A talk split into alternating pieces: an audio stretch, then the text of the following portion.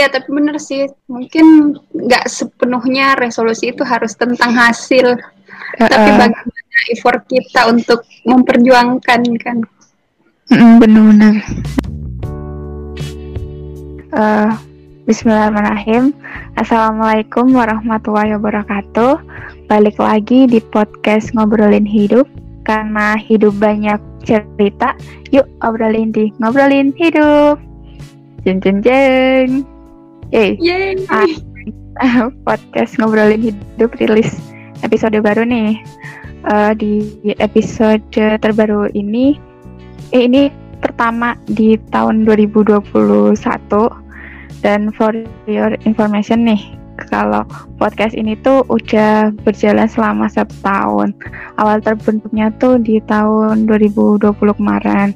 Alhamdulillah. Uh, jadi di episode kali ini insya Allah aku bakalan ngobrol sama salah satu teman aku yang ada di seberang pulau sana. Dia sekarang ada di Makassar. Kenalan dulu ya Mul. Pakai baik Sapa. Kabar baik. Namanya siapa Mbak? ya, namaku Sri Mulia. Biasanya dipanggil Mulia. Iya sekarang masih kelas ya? Iya, tapi lagi libur. Oh, lagi libur. Mulainya lagi kapan, Mul? Belum ada sih. Masih menunggu. Mungkin sekitar pekan Senin depan. Mungkin. Hmm, mungkin ya. Hmm, berarti ini masih libur aja ya? Yaps. Lah itu sih yang apa? Yang kelas di rumah sakitnya gimana? Ya, itu Senin depan, insya Allah. Berarti udah udah, udah selesai. Ya. Hmm, tinggal prakteknya. Ya. Gimana kabarmu? Ya kabar, Alhamdulillah luar biasa. Allah Aduh, luar baik. Formal banget dah. uh, apa lagi ya? Itu sih kan udah tanya kabar nih. Terus oh ya kan beberapa hari yang lalu kita dapat info yang lumayan menyedihkan ya kalau ada pesawat yang jatuh. Itu pesawat Sriwijaya ya. Sriwijaya SJ 8 eh 182 ya? 182 ya benar ya 182 uh, ya itulah turut berbela sungkawa. Semoga uh, keluarga yang ditinggalkan itu ditambahkan hatinya dan dilapangkan dadanya. Uh, rada takut tau mulai sekarang kayak kalau lihat berita kayak gitu kan. Kamu nih yang kan kamu sering banget ya naik pesawat. Gimana sih mul? Ini sebelum masuk ke topiknya nih. Mau mau dong sering-sering kalau aku sendiri kan belum pernah ya. Uh, kalau kayak gitu tuh kadang emang di dalam pesawat ada tur apa ya turbulensi gituan ya. Hmm, sejauh aku pernah naik pesawat yang dapat pernah dapat cuaca buruk itu kayaknya cuma sekali deh alhamdulillah. Ya, hmm. ya kalau lagi tapi kalau lagi gitu cuaca buruk gimana ya? Ya takut takut deg-degan. Deg-degan. Tapi ya gimana lagi ya emang harus lewat pesawat. Iya? Kenapa? Ya kayak apa ya kayak ya harus tetap pakai pesawat meskipun hujan. Saya mesti iya. pernah nggak sih kayak di delay delay gitu? Nunggu kayak nunggu cuacanya mendingan atau ya udah jalan sering. aja gitu. Kalau delay mah kayaknya sering ya. Iya sering. Kecuali mungkin kalau kita naik eh nggak boleh sebut sebut merek. Jangan. Jangan jangan. Kalau delay sering. Hmm, sering ya. Iya, ada nggak apa ya kayak kisah menarik gitu mul? Pas naik pesawat? Apa yang menarik? Mungkin yang menarik pas pertama kali naik pesawat ya. Waktu itu pertama kali naik pesawat ke Jogja. Jadi kan uh, belum merhatiin gitu kalau misalnya kalau kita mau mendarat itu sabuk pengamannya dikencengin oh. ya uh. jadi pas uh, pas mau mendarat dan kan kalau mau mendarat semua misalnya uh, meja di hadapan dilipat kembali terus ditegakkan tempat duduknya gitu kan tapi pas pertama kali kan nggak nggak terlalu merhatiin tanda-tanda gitu dan apa kata kru pesawat jadi pas mau mendarat ya waktu itu pertama kali pesawat terlemparlah semua barang-barangku oh iya Iya, karena aku mau memegang barang-barangku dan sabuk pengamanku tidak kencang, jadi untuk mempertahankan diriku, maka terpaksa barang-barangku yang terlempar. ya Allah. Itu memalukan sih. Tapi bisa kan ya? Ya jadi kayak ya emang harus pakai sabuk pengaman ya. Iya sih, benar. Ya, oke. Okay kita masuk ke topiknya aja ya Mbak. Jadi kan episode kali ini kita kan membahas tentang resolusi. Biasanya biasanya tuh masih anget-anget banget sih di awal tahun buat orang-orang bikin semacam resolusi gitu. Ya kayak goals apa aja sih yang pingin dicapai di setiap tahunnya mereka gitu kan. Nah di apa ya di kontak kali ini kan berarti di tahun 2020, 2021 pasti adalah di antara pendengar setiaku ini ada yang punya resolusi atau goals. Nah, ini bakalan kita kupas tuntas gitu barang mulia. Ya entah nanti goalsnya di bidang pendidikan, finansial atau yang lainnya gitu. Oke. Okay. Nih Mul, mau tanya nih, menurutmu makna resolusi itu apa Mul bagi seorang mulia? Iya iya iya, pertanyaan yang menarik. Jadi makna resolusi ya, uh, kalau mau digambarkan satu kata mungkin lebih tepatnya ke tuntutan. Kaku banget tuntutan. ya itu kalau gambarin satu kata ya tapi hmm. eh, kalau aku memandang resolusi itu ibaratnya ya kalau kita itu punya sebuah visi hidup maka dan kalau visi hidup itu diibaratkan sebagai sebuah bangunan, sebuah rumah, maka e, menurut aku resolusi itu adalah batu bata batu bata yang menyusun rumah tersebut. Jadi uh, uh, jadi resolusi itu fondasi. resolusi itu segala upaya kita untuk mencapai misi tersebut. Hmm. Jadi bukan sekedar tuntutan tanpa tujuan, misalnya mau ngapain di tahun ini atau apa yang mau kita capai di tahun ini, tapi lebih tepatnya ke bagaimana uh, yang kita capai tahun ini menjadi satu langkah lebih dekat menuju ke tercapainya visi kita. Mungkin gitu sih. Oh ya, berarti ke lebih ke tujuan gitu ya.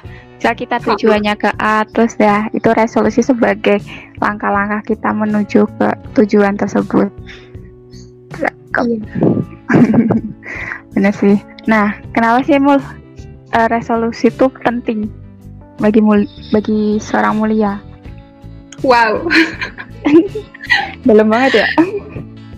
Uh, kenapa resolusi penting? Karena kita ya, ya mulia. Kita itu Muslim dan dan Islam itu menuntut segala segala hal yang terbaik dari kita.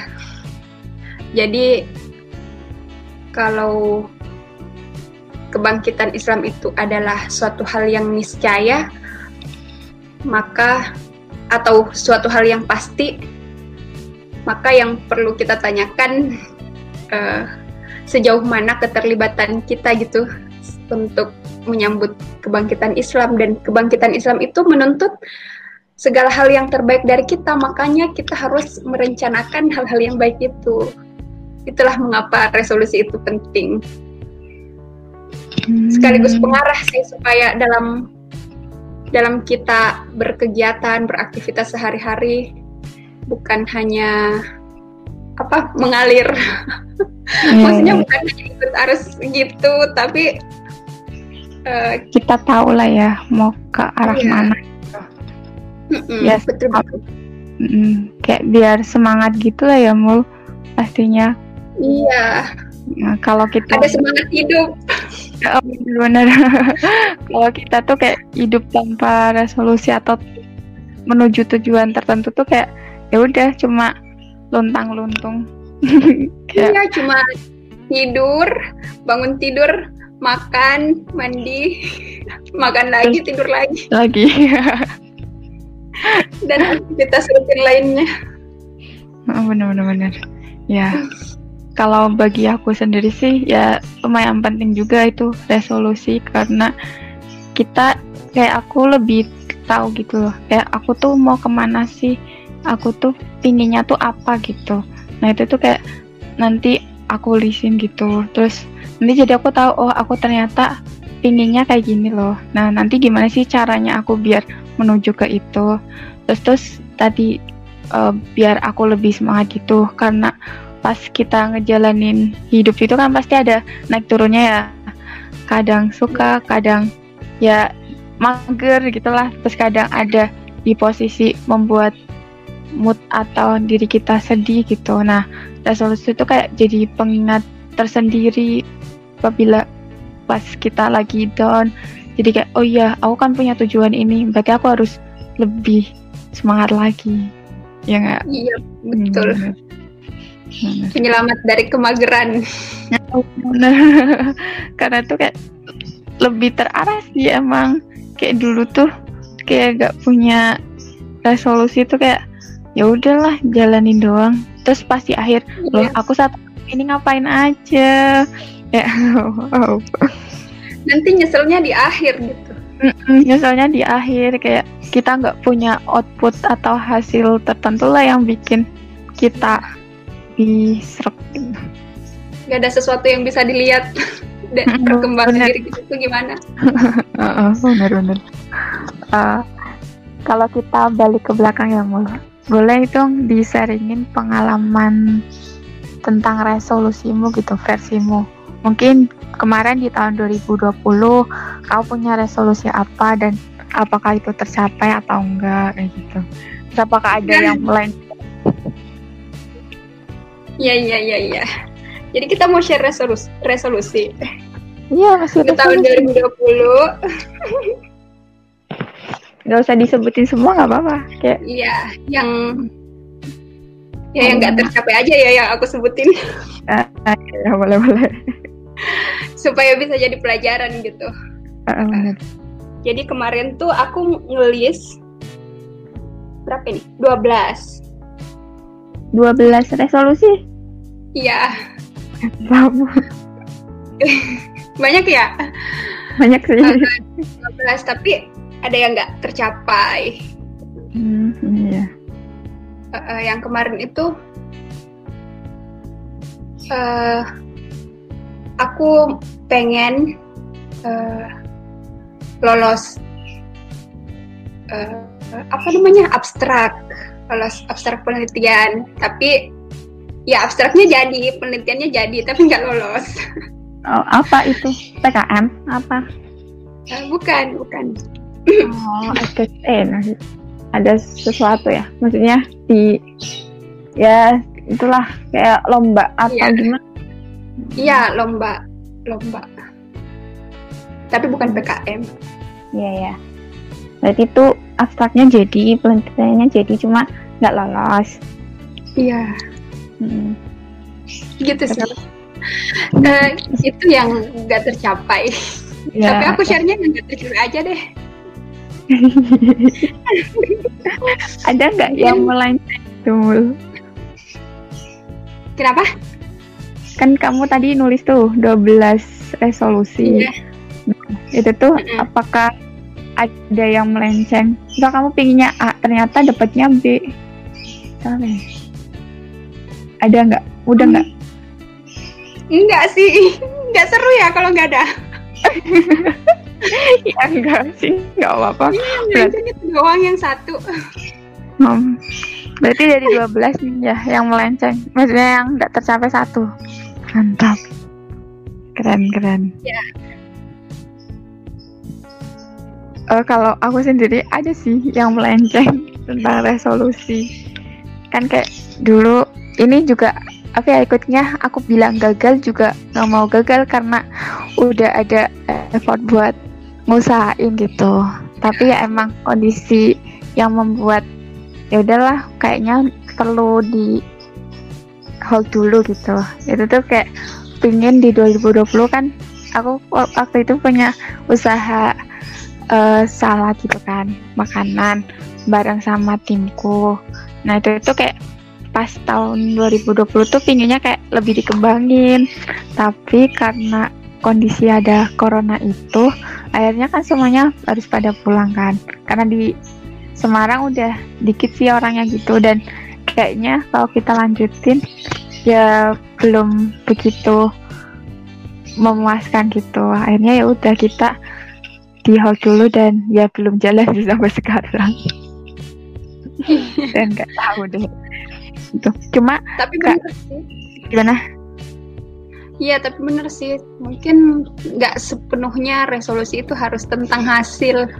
Uh, tapi bagaimana effort kita untuk memperjuangkan kan? Bener-bener.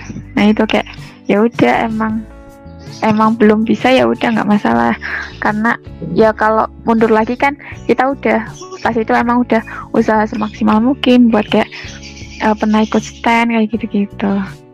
Jadi ya cukup puas aja sih iya mantep. Cuma ya dia melenceng. Tapi gokil sih melencengnya itu. Uh, terus ya ada lagi tentang kalau pendidikan kan tahun 2020 pasti pilihnya lulus ya. Itu jadi salah satu resolusiku di 2020 oh iya. Mantap iya mantap. ya kan? tercapai iya alhamdulillah tercapai meskipun ya. Tapi ya kalau aku kan waktu itu buka lagi kan. Kalau ternyata aku nulisnya tuh lulus di pertengahan gitu dan lulus itu kan apa ya konotasinya kayak beda gitu. Bisa di sidang bisa juga di wisuda gitu kan. Nah ternyata ya emang itu ikutnya sidang. Pas itu tuh kayak kirain ya bakalan bisa wisuda lah di di pertengahan tahun gitu kan. Tapi ternyata ya Allah punya cerita lain baru sidang di pertengahan. Tapi gokil sih. Mantep. Aku nggak memasukkan itu. Aku nggak mau oh, iya. seandainya mungkin aku masukkan kalimat kelulusan di dalam resolusiku mungkin itu juga agak melenceng ya kalau terkait wisuda dan iya, ya iya. tidak sih. Nah karena kan nggak wisudanya nggak berpengaruh terhadap uh -uh. pun jadi nggak masuk di resolusi. Cuma kayak kayaknya kamu sidang tahun 2019 nggak sih apa 2020 2019 19 toh? Iya. cuma wisudanya yang apa sih 2020 ya bulan Juni ya berarti kamu kan lulus 2019 terus wisuda bulan Juni. Mm -hmm. hmm, yang awalnya bulan Maret. Iya. Iya terundur ya. Biasanya bulan bulan Desember.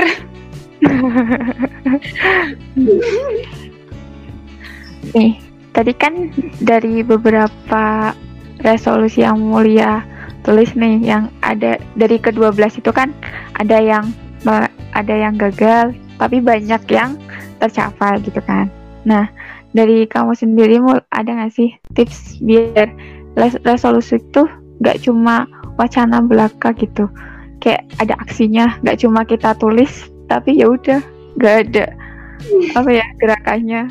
Kalau dari kamu sendiri gimana mul? Mensiasatinya. Ya kalau aku ya kalau bikin resolusi selain ditulis kan menulis hmm. itu juga pentingnya untuk memvisualisasi kita. Benar-benar. Nah selain ditulis aku selalu mastiin bahwa resolusi yang aku buat itu spesifik dan bisa terukur. Jadi kayak hmm. proker gitu ada indikator keberhasilan. Tapi benar kita indikator keberhasilannya. Jadi di akhir tahun bisa dilihat uh, seberapa besar pencapaian dari resolusi tersebut. Hmm. Jadi selain itu ya, jadi kan tadi ditulis resolusinya ditulis, dirincikan, pastikan bisa terukur dan spesifik. Terus uh, supaya nggak jadi wacana tuh kita evaluasi, evaluasi setiap hari, setiap pekan, dan setiap bulan.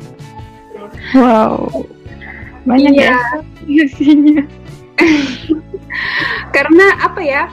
Jadi kan bikin resolusi, uh, misalnya uh, apa ya? Contoh, contoh misalnya di tahun ini, ini contoh ya.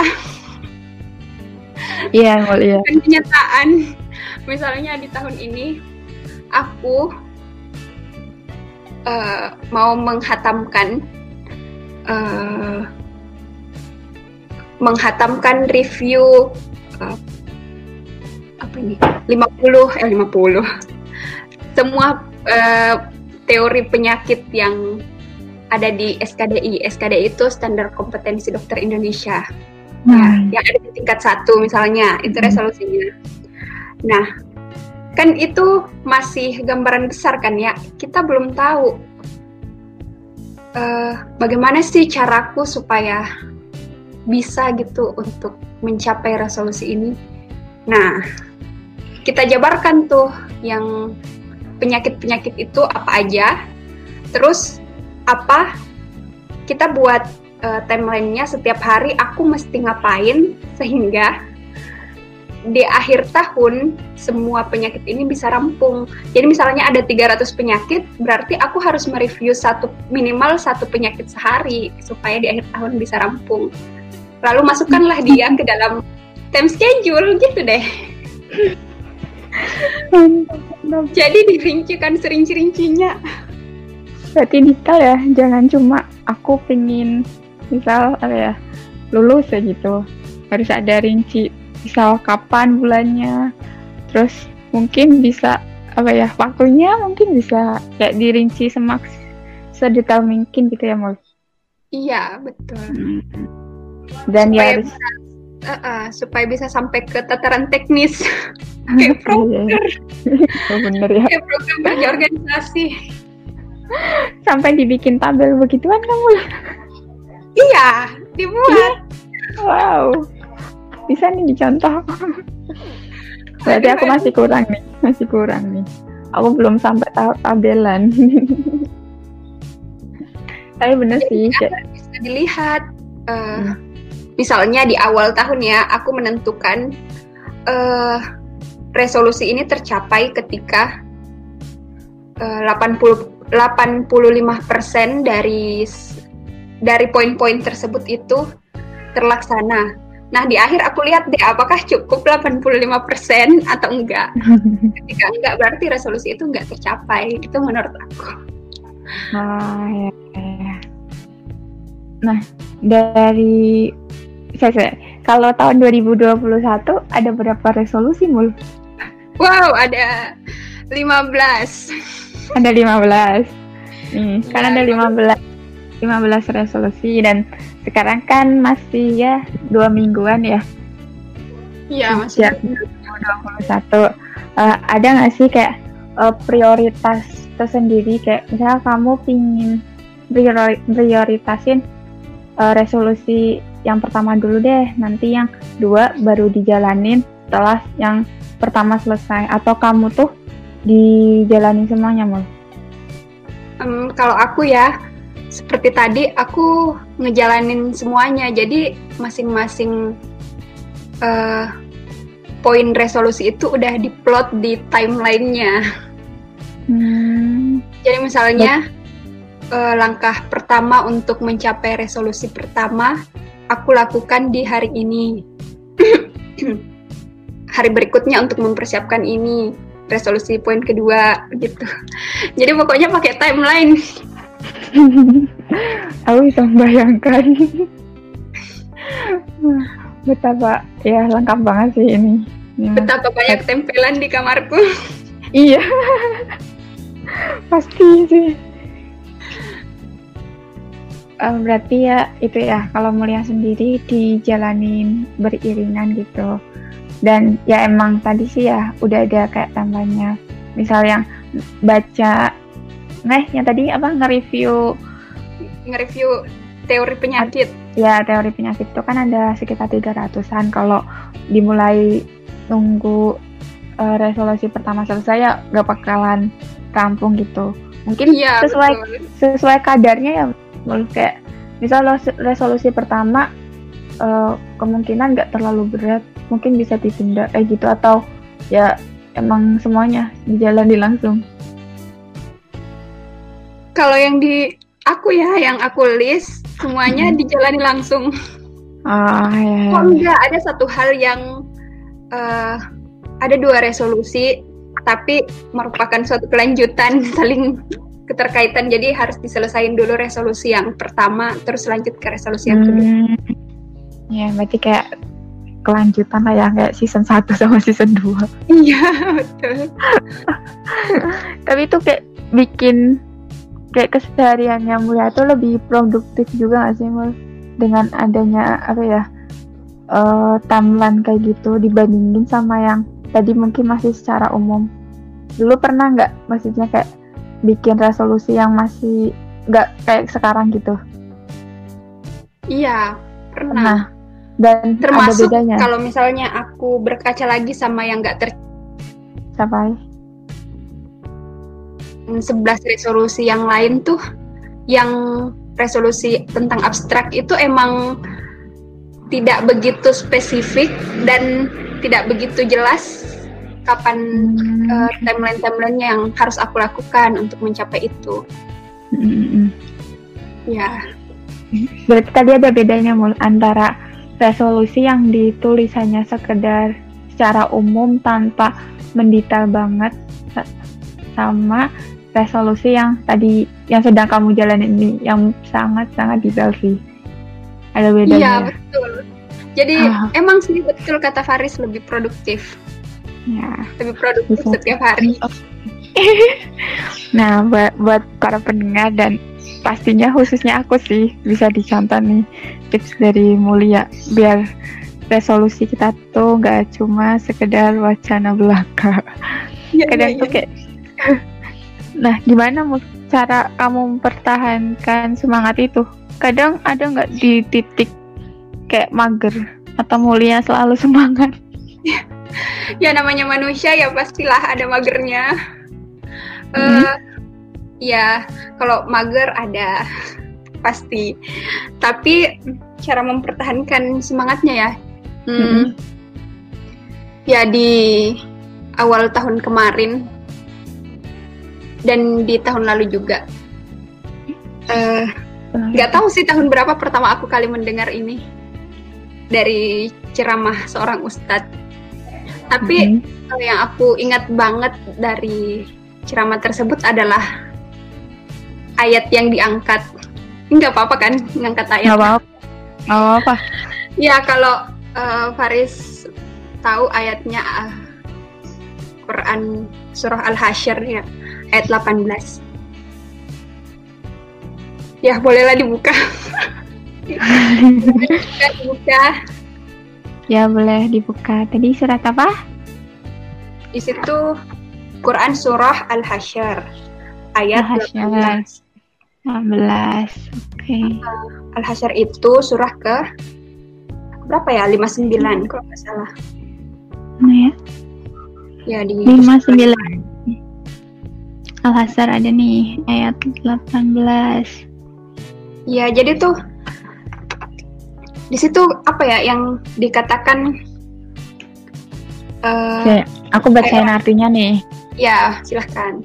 Ya, hai orang-orang yang beriman, bertakwalah kepada Allah dan hendaklah setiap diri memperhatikan apa yang telah diperbuatnya untuk hari esok atau akhirat dan bertakwalah kepada Allah. Sesungguhnya Allah maha mengetahui apa yang kamu kerjakan. Ya, uh, nah itu tuh yang perlu digarisbawahi bahwa uh, hendaknya ia memperhatikan apa yang telah apa diperbuatnya yang... untuk hari esok. Nah, di situ menggunakan kata esok sebenarnya arti kata liwat itu esok.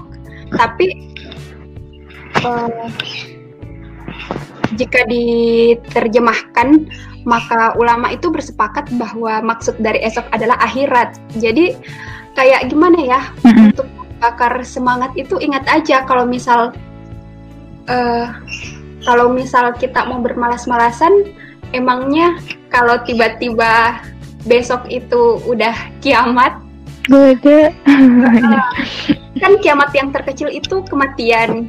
Jadi kalau yeah. misalnya besok kita udah mati, emangnya kita udah ngelakuin apa aja selama ini? Oh, iya. Gitu sih. Jadi, yeah. wow. Kalau mau bermalas-malasan, ya jangankan esok sih. Uh, ntar nih eh, satu detik mungkin atau semenit atau sejam setelah podcast ini kita dipanggil kita berpulang kita mau mempertanggungjawabkan apa kalau misalnya ternyata selama hidup kita kita cuma bermalas-malasan dalam ya mul. Ya dalam. Ya sih bener. Kayak buat pertanggungjawaban buat kayak sanggungnya kita lah nanti di akhirat itu. Kayak gimana kalau di dunia kita cuma males-malesan ya siap-siap di akhirat gitu kan. Kalau di dunia yeah. kita udah kayak ya semangat apa pun ya kita kayak nanti tuh apa pun yang kita kerjakan di dunia tuh bakalan dipertanggungjawabin loh di akhirat itu yang yeah. bikin mulia selalu semangat nggak bisa kebayang tuh gimana nggak bisa kebayang gimana malunya kalau misalnya udah sampai di hadapan Allah, di hadapan Tuhan. Terus kita nggak tahu mau jawab apa, udah kita manfaatkan waktu kita untuk apa selama kita hidup. Aduh, malu ya. ya ya ya malu. Hmm, kalau bagi Mulia nih, seorang supporting system itu penting nggak dalam mewujudkan resolusi kita, Mul? penting banget. Siapa nih supporting system Aduh, supporting system itu uh, penting, sangat penting. Sangat penting benar sih. Siapa emang mul supporting systemmu? Uh, supporting systemku itu mamaku. Mamamu, iya. Iya. Kenapa? Jadi meskipun... Kenapa? Iya, lanjutin dulu ya jadi, jadi meskipun, mamaku nggak selalu ada aku lihat di secara fisik tapi kan tapi kan ya ke apa ke sosoknya gitu yang membuat jadi sebagai supporting system. Ya, ya maksudnya kan mama di Selayar terus aku di Makassar. Tapi tetap sosok mama tuh jadi supporting banget. Hmm, iya ya, benar. Kayak buat sebagai pengingat juga sih. Kayak ya keluarga apalagi ya, usia mama ya kayak jadi alasan tersendiri sih buat kayak kita ngejalanin hidup. Iya. Ya kan? Kayak kalau lemas selain tadi ya pertanggungjawaban kita ke Allah tuh kayak ya pingin lah seorang anak tuh apa sih membahagiakan orang tua kan pastinya. Dan iya. ya kalau kitanya cuma malas-malasan kayak ya itu sih. Orang tua emang aku juga supporting sistemku saat ini ya, mungkin sampai ya nggak tahu kapan. Mungkin sampai aku dipanggil sama mama ya pasti orang tua aku dan khususnya mamaku kayak jadi alasan tersendiri buat aku tetap ngejalanin hidup. Betul. Betul, masih suka homesick kan nih mul? Kan kamu oh ya lihat tuh sekarang di Makassar. Dan dia tuh asalnya dari Selayar Nah, Selayar tuh pulau kecil. tapi tapi bagus kalau guys, asli. Kalau aku lihat di internet. Iya, jalan-jalan ke Selayar. Ya, nanti. Tiket ya. Aduh. nih, buat yang terakhir nih, ada nggak sih pesan atau nasihat nih dari Mulia buat kita semua para pendengar ya entah bisa resolusi entah kayak motivasi biar nggak mager gitu. Selain tadi ya. Iya. Uh, closing statement deh. Iya closing statement ya. Mm. uh, gimana ya? Kayak ya nggak apa-apa ya me menasihati diri aku juga. Ya nggak apa-apa. Mm, buat kita pemuda. Kita kan pemuda. Mm-hmm. yang akan menyongsong perubahan ya. Jadi kita harus punya semangat yang lebih di saat kita masih punya kesempatan, kita masih punya uh, usia muda kita, kita masih punya kesehatan, ya semuanya lah yang masih kita punya. Kita dengan semua itu kita harus bersyukur dan bentuk syukur kita adalah dengan memanfaatkan potensi-potensi kita di tentunya di jalan kebaikan. Ya mungkin itu sih. Masya Allah benar banget. Karena ya apa ya yang ku beri dan apa sih aku lupa yang dari Soekarno. Apa? Yang mana yang mana? Yang sepuluh pemuda. Apa sih? Akan kukujangkan oh. dia itu. Iya. Ya itulah. Aku agak lupa. Nanti bisa dicari sendiri ya. Tuh pokoknya emang ya mumpung kita masih muda gitu kan. Dan muda itu kan cuma sekali kalau kita udah bertambah umur ya kita nggak bisa kayak balik lagi minta di umur 12 tahun atau 13 tahun gitu. Jadi kayak manfaatin waktumu sekarang gitu. Banyaklah berbuat kebaikan berbuatlah berusahalah gitu semaksimal mungkin yang kamu bisa gitu. Karena uh, semakin kita berbuat baik banyak eh semakin kita berbuat banyak eh apa ya semakin berbuat baik. Ya berbuat baik secara apa ya totalitas. Nah itu tuh kayak efeknya ya buat ke kita sendiri nggak sih? Ya iya ya kan? betul. Kayak kita berbuat baik itu buat orang lain tapi itu sebenarnya buat diri kita sendiri gitu kan. Ya betul betul betul. Banyak banget nih. balik ke kita Iya bener bakalan balik ke kita banyak banget insight yang aku dapetin dari obrolan kali ini. Masya Allah. Asli mul.